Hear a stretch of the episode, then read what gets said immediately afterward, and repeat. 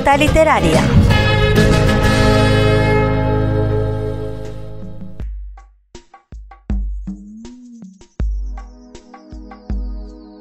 Charles Ford. Seguramente a muchos de ustedes no les diga nada ese nombre, pero fue un personaje importantísimo en las investigaciones de casos extraños. Podría decirse que fue uno de los primeros ufólogos y hombres conscientes de que más allá de la clásica ciencia podría existir algo mucho más extraño. Fue un hombre discordante y curioso, pero él simplemente se definía como un hombre de edad indefinible, bajo, regordete, con bigotes de morsa y gafas de montura metálica y prosigue su descripción en un escrito que él mismo hizo.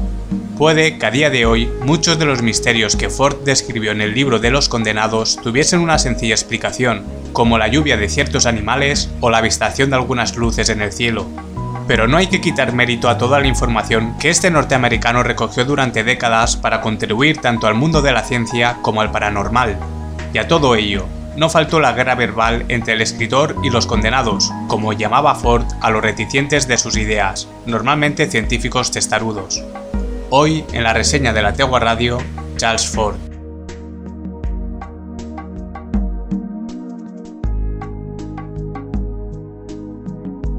Quizá alguno de ustedes recuerde la lluvia de ranas que cayó en el Rebolledo en 2007. Sí, han escuchado bien, ranas no de un gran tamaño, pero sí cayeron miles de ellas junto con la lluvia. También en 2007, en la ciudad de Alicante, una lluvia de peces sorprendió a sus ciudadanos. Un hecho que ocurrido 500 años atrás hubiese sido atribuido a maldiciones o plagas como las relatadas en la Biblia. Pero en el presente se conocen los porqués y aunque nos parezcan sucesos extraños, no son imposibles. Sobre todas estas teorías estudió Charles Ford, investigador nacido en Albany, condado de Nueva York, en 1874 ya fuese por curiosidad o por la simple necesidad del tema. Habló sobre la teletransportación antes que nadie, y con su mirada puesta en el cielo quiso entender qué eran aquellos objetos no identificados que se le aparecían a centenares de personas.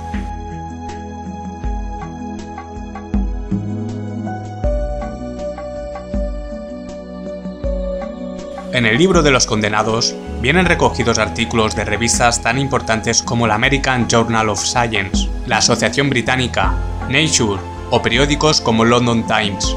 Sucesos que afirman copos de nieve de 38 centímetros de largo, granizo del tamaño de pelotas de fútbol y una piedra de hielo tan grande como un elefante, lluvia de colores, negra, roja, amarilla, objetos celestes del tamaño de Mercurio interponerse en la trayectoria del Sol, luces parpadeantes en el cielo, objetos luminosos volantes surgir en mitad del océano.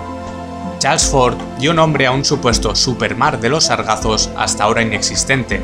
Creía que sobre el cielo podría hallarse un lugar donde millones de objetos se concentraban a causa de las navegaciones interplanetarias, y que de vez en cuando aquellos objetos caían sobre la Tierra. Eso podía explicar los insólitos objetos que caían de vez en cuando del cielo, como bolas de plomo, piedras fosilizadas y materia gelatinosa.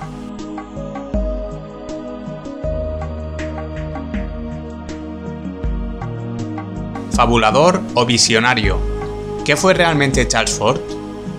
Podríamos reconocer que muchas de sus ideas tomaron un camino sin rumbo, pero sus esfuerzos no fueron en vano. El tema ovni sigue siendo un apartado cada vez con más interés en nuestra sociedad, y por ello hay que recordar que Ford fue uno de los pioneros en querer enseñar al mundo todo lo que era desconocido, ya fuese un objeto caído del cielo como unas extrañas pisadas en la nieve atribuidas al mismísimo diablo. Hasta la semana que viene amigos.